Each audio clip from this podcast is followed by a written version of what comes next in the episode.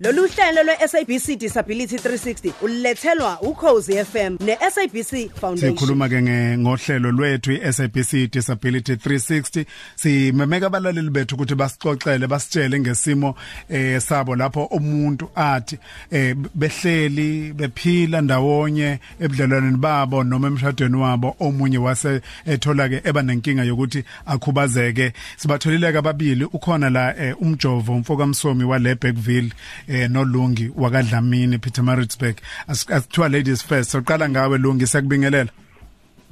Yebo ukuthi Kunjani ke dosis namhlanje?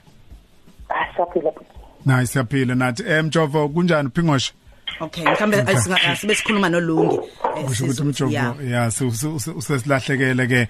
Lungi umjovo Kade usushone phi ba Okay kulungile bingelela abalaleli ke mfoka msomi. Ngibingelela nje bonke abalaleli bomsakazo ukhozi kuze lonke eh, laba lalele khona umsakazo. Okay kulungile ke mfethu. Ngizoqala ngizoqala ngawe lungi ukuthi kwenzakalani kwe kweseni isimo? Sichazele nje. Oh wandula umntwana wadadewabo ukuthi ukuthi aphatheka kabasha phatho ashwa stroke nje samshaya akangakwazi ukusebenzisa izandla wasebenzisa inyawo kwanzima Okay ifoni yakho ngaze ngazi noma isondele kakhulu yini emlonyeni wakho sisi iya distorta ngathi uqhelisa nje kancane hayi kakhulu. Yebo. Okay uthi umyeni wakho kwadlula ingane kadadewabo ucabanga ukuthi waphatheka kabi waze washaba istroke Yebo futhi. Okay samshiye njani nje? Unjani manje? Oh manje akusafani ngoba usiyakwazi ukuhamba hamba nge-working frame nje nezandla sizokwazi ukusebenza ngalesi sikhathi bengakwazi ukuthi kusebenzisa izandla manje useyaza akusafani Okay. Uthi uhamba nge walking frame kwagcina kumkhubazile lokho wazwayeka nokusebenza eh kwaphazamisa nempilo ekhaya. Ya kodwa kube njalo futhi sibu. Kodwa ke uNkulunkulu emuhle siyaphila namanje. Okay. Manje uyayiwe uyayumisa kanjani esimene sinjalo ke wena uyasebenza akukuphazamisi kwesinye isikhathi ekusebenzeni kwakho?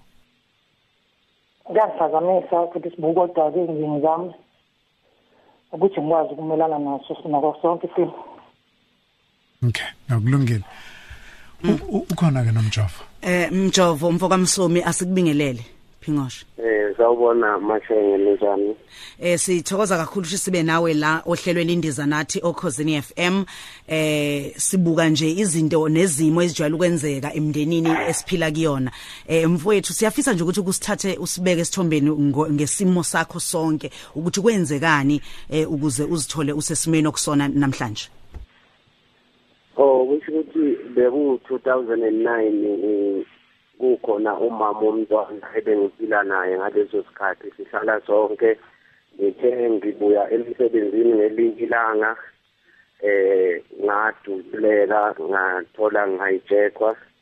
Ngase ngiyalimala kakhulu ngangokuthi ngahlala esibhedlela isikhathi eside kakhulu.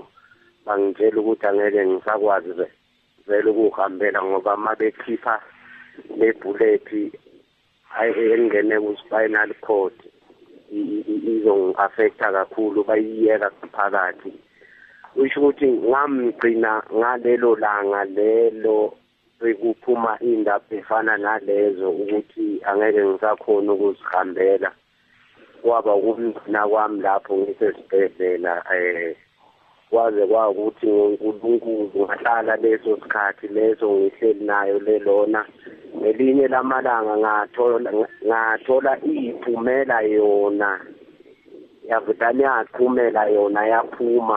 Ngase ngibuyela esimeni sokuthi ngiphinde ngikhole ukuthi ngikwazi ukuzihambela njengamanje usuyazihambela eh akukho ubhlungu obuzwayo kusafana nasekuqaleni kodwa yena wabaleka wakushiya kuleso simo sokuthi uzwe kuthiwa usakwazi ukuhamba.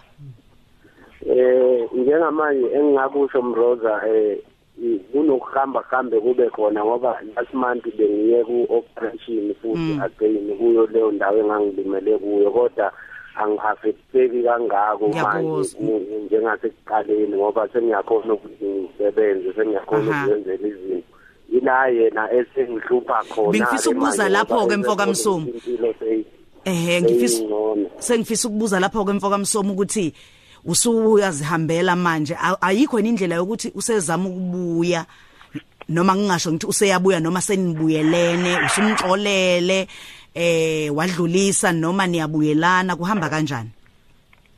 Eh kusho ukuthi ku- kukho kuko lokho ngisalimele mroza into eyenzeka nga- ngathola omunye umuntu wangeseka kuze kube manje. Angeke ngisakwazi ukuthi ngingabuyela emuva ngoba azange akhombise ukuthi kungilahla ngilimele wangeseka wangithanda kuze kube manje yena ihlanganiswe yingane nje kuphela angeke sikwazi ukuthi sibuyelane. A- a- kodwa ngimxolela ngimbambele inhliziyo ukuthi wangishiya esimene esinjalo lapho edidekile umuntu yadideka umuntu uyadide hey wakhuluma amagama amakhulu njengendoda ebesingawalindele ukuthi mhlawumbe wayididekile umuntu uyadideka eh wayesefikelwa ileso simo esinjengaleso. Uyamxolela kodwa awusewuphinde ukwazi ukuthi ungathandana naye. Kunjalo lo owafika empilweni yakho uhamba ngesihlalo engazi ukuthi uyokusukume ngeyilanga enga ekubona njengomuntu mhlawumbe okhubazekile eh imapha amazwi ongafisa ukwadlulisa kuyena? Noma futhi ungamusho uma ukuthi awunayo awunqeni ukuthi ungamusha umbonge? Eh kusho ukuthi eh, ngingambonga kakhulu uhappiness ungakamndebele eDriefontein. Kusho ukuthi uthando anginikeza lona ngoba kuleso sikhathi futhi bengingasa bengingenazi lutho ngingasebenzi mroza. Eh kodwa akazange asho ukuthi ngoba angisebenzi angeke akwazi ukuthi athandane nami ngoba nakho mhlambe futhi ngikulesimo engikuso. Wangisapota wanginika uthando wangihambisa endaweni ezizongisiza ukuthi ngelilanga ngikhona ukuhamba. Nango ngempela ngoNkulunkulu kwapha nje nga- ngale ndlela le eh, ayi ecabanga ngayo naye ukuthi ngelinye ilanga ngizoba right abe ngiduduza ngayo. So engingakusho kuye ukuthi ngiyabonga kakhulu nje isineke sakhe nanendlela angim- a- a- a- angiphatha ngayo angamukela ngayo. Namhlanje nami ngingumuntu ngaye. Nami ngiya- ngiyafisa ukuthi ngikwenze kuphelele kubo abe umuntu naye mfowethu ngicela nje ukukubamba lapha kodwa nje sikwethulela isigqoko ubudoda bakho bokwazi ukubuka ukuthi umuntu unendlela zakhe zokucabanga umuntu uyafikelwa isikhathi sokudideka kanti futhi uyakwazi ukuma nomuntu obe nawe ngesikhathi sobunzima kanti futhi uyindoda uyaxolela. Eh ake sibuyele mfowethu ku- ku- kudadewethu asibuyele kulu kulungi em Rosa. U- i- izinto esifundayo kulabo abantu bobabili izimo engafani umjovo wamshiya ayethandana naye. La ulungi umile nomyeni wakhe. umleni umyeni wakhe ngesikhathi eshawa istroke engakwazi ukuzenzela izinto kodwa ulungi wakwazi ukuthi ame nomyeni wakhe kuze kuba manje. I- singacela nje amazwi njengoba nomjovo naye amnandi kakhulu amazwi umjovo awakhulumile ukuthi umxolele umuntu kuze ukwazi ukudlula kuleso simo. Lungi yebo futhi sibuye kafishana nje amazwi wena ongawadlulisela nakumlaleli nje ekhaya oyayothi u- omunye mhlawumbe ubuka isithandwa sakhe noma ngabe umuntu ashade naye bona sengazi ukuthi usewumthwalo kuyena. Amazwi nje ongamnikeza wona. Ngingacela nje ukuthi mohlangabezana lesimo ube nesibindi mm ngakusuke kunzima kangangoba nemndeni kwentathu uyakudeda. Ngicela ngesaphothi kakhulu emndenini ke ngibongeke mina umndeni kwendlela esibambisane ngawo kuze ngifike la ngikhona. Ngicela nje ukuthi ube nesibindi wazi ukuthi unkulunkulu wakunikeza kona uyazi ukuthi ukuphelele unenjongo ngayo siyabonga kakhulu siyabonga kakhulu mamdlamini siyabonga uyezwa? Yebo siyabonga kakhulu kuwena eh ulungi dlamini. Sibonga kakhulu mfowethu phingoshe mjovo yebo. Siyabonga kakhulu ke ingane zakwethu. Hey, bakithi ku- ku- kuningi eh, eh, eh, esikufundile kulabo bantu bobabili nalezi zimo zabo. kodwa okunye futhi engikuthanda kakhulu la uzothandana nomuntu engasebenzi.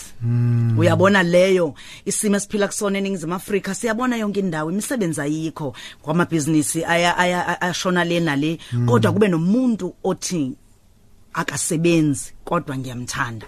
U- uthando lwangempela ilona olubalekile uthanda kulona izinto ezicebecebe eziqhamuka ngaphandle. Siyabonga mama uDlamini siyabonga mfowethu eh, ngokuthola umuntu onothando lweqiniso othi uyasebenza kasebenzi ngiyamthanda. Abantu basekhona Mrosa abanenhliziyo eh, eh, inhliziyo kaNkuluNkulu basekhona abantu. Silubeka lana ke lolu hlelo lwanamhlanje esilwethulela ke iSABC Disability 360 njalo ngolwesine kuze kube ngolwesine Lolu oluzayo hlelo lwe-SABC Disability 360 ubulethelwa ukhozi FM no-SABC Foundation.